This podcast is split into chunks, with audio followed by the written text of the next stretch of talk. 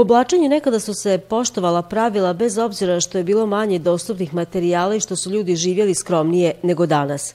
Za izradu su se koristili prirodni materijali, a u zimskoj odjeći u beregu značajno mjesto imala je opaklija koja se izrađivala od jagnjeće kože. Za onu veću i bogatiju trebalo je i više od 30 jagnjećih koža. U opaklija, u pršnjaka, u debelom ruvu, pantalona, klompa, šula, čarapa debeli, a žene isto tako u kožuva, bez rukava, bit će u debelim u delinski, sve ono što se nosilo u zimu.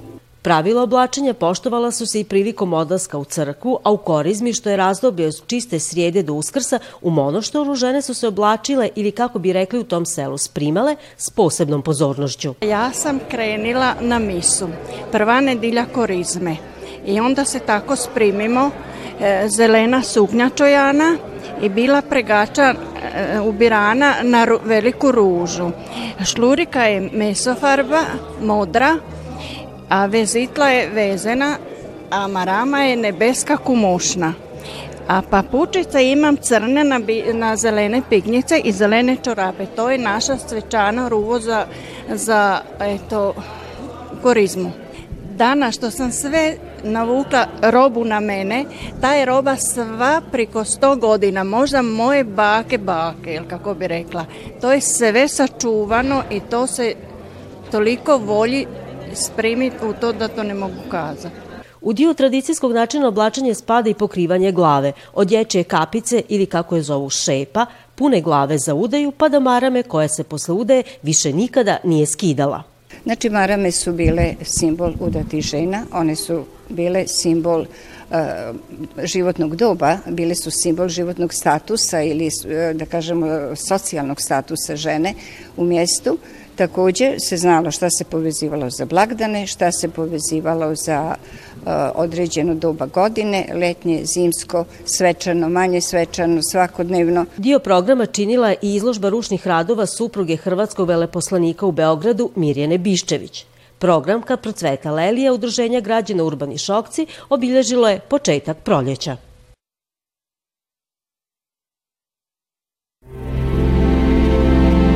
Gledate paletu. Izbor iz emisija na jezicima nacionalnih zajednica.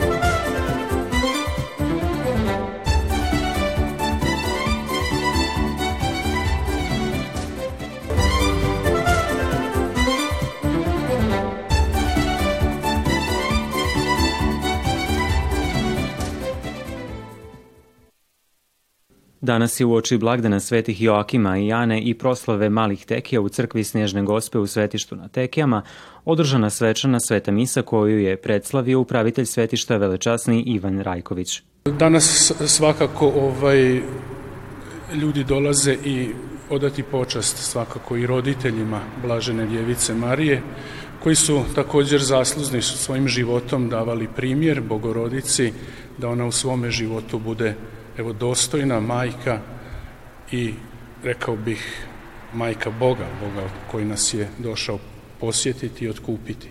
S obzirom na pandemijsku situaciju, posjet hodočasnika je vidno smanjen, ali onima koji su došli iznimno je drago što imaju tu mogućnost ove godine. Neka tradicija koja se čuva u srcu i jednostavno godina ne bi bila ista bez nje, na primjer prošle godine kao što nismo imali jednostavno to nas sve ispunjava.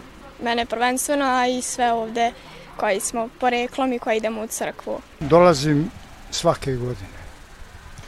Ovo je nešto prelepo, ovdje se doživi nešto u duši, neopisiva radost, susret sa sestrama i braćom iz cijele okolice. To je Jedino mi je žao što je bila ova pandemija koja nas je trenutno bila razdvojila, ali nadam se i zahvaljujem dragom Bogu da ćemo se opet sresti i da ćemo biti u istom jatu. Pa ja sam od malena tu, ovaj, svake godine dolazim i na svetu Anu, pogotovo što mi je majka Ana, pa onda ovaj, obavezno smo dolazili tu cijela familija. A eto sad isto tako nastavljam, otac mi je bio inače tu orguljaš i svirao je 50 godina, kako u Svetom roku, tako ovdje na tekijama. Tako da, eto, ovom prilikom baš danas sam dao i svetu misu za pokojne roditelje. Male tekije svojevrsni su uvodu u proslavu velikih tekija koje će se obilježiti 4. i 5. kolovoza. 4. E, kolovoza svete mise imamo na staroslavenskom jeziku, u 15.30 i na mađarskom jeziku u 17 sati. E, sutradan na glavni dan proslave e, imamo također po tradiciji svete mise u 8 sati su na njemačkom, u 9 sati e, je na mađarskom jeziku, to će biti pontifikalna misa koju predvodi subotički biskup Monsignor Slavko Večerin i onda svečana u 11 sati koju bi ako bude bio u mogućnosti, ako mu zdravlje dozvoli, nadbiskup Beogradski Stanislav Hočevar uz našeg sjenskog biskupa i subotičkog biskupa. Kao i prijašnjih godina očekuje se veliki broj hodočasnika, prvenstveno iz Vojvodine, ali i susjednih zemalja, no zbog situacije s koronavirusom izostaće svečana procesija s gospinom slikom koja je ranije bila sastavni dio proslave.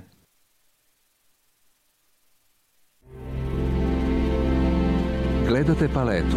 Izbor iz emisija na jezicima nacionalnih zajednica.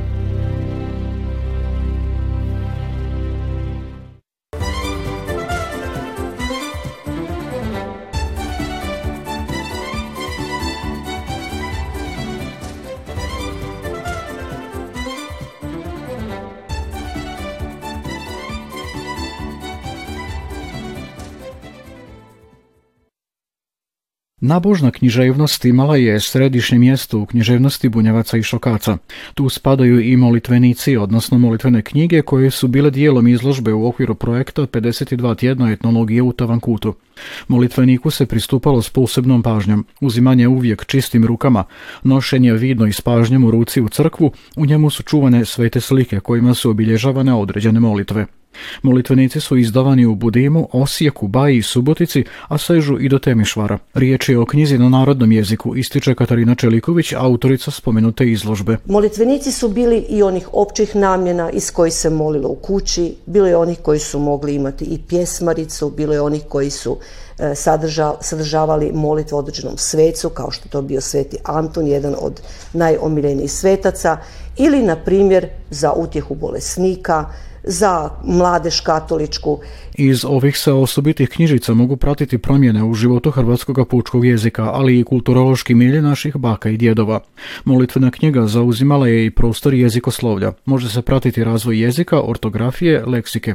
Tako se može reći da je upravo bunjevački i šokački govor zastupljen od 18. stoljeća na ovamo pretrpio ili doživio najveće promjene, objašnjava Katarina Čeliković. Molitvena knjiga je tada služila za prosvjetu našeg puka. Sveta knjiga knjiga je uz krunicu i svetnjaču bila treći sveti predmet u kućama naših ljudi.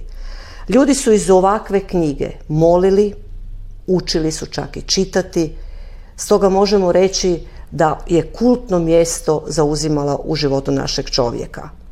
I naravno kao etnografsko nasljeđe knjiga je molitvena često pratila čovjeka i na drugi svijet. Nalazimo je i u ljesovima pokojnika.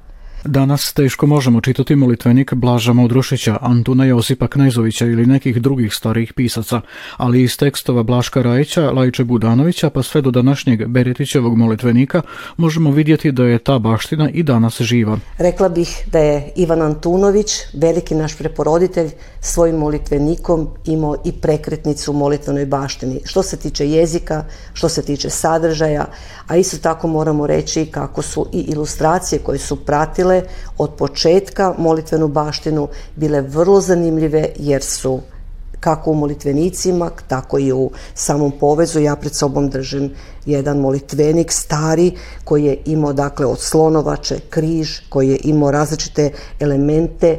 Molitvenici su i u današnje vrijeme dijelom naših života. Jedino je efemerni papir zamijenjen aplikacijom na mobitelu, te se ne rizikuje da bi se eventualne priključene slike mogle izgubiti.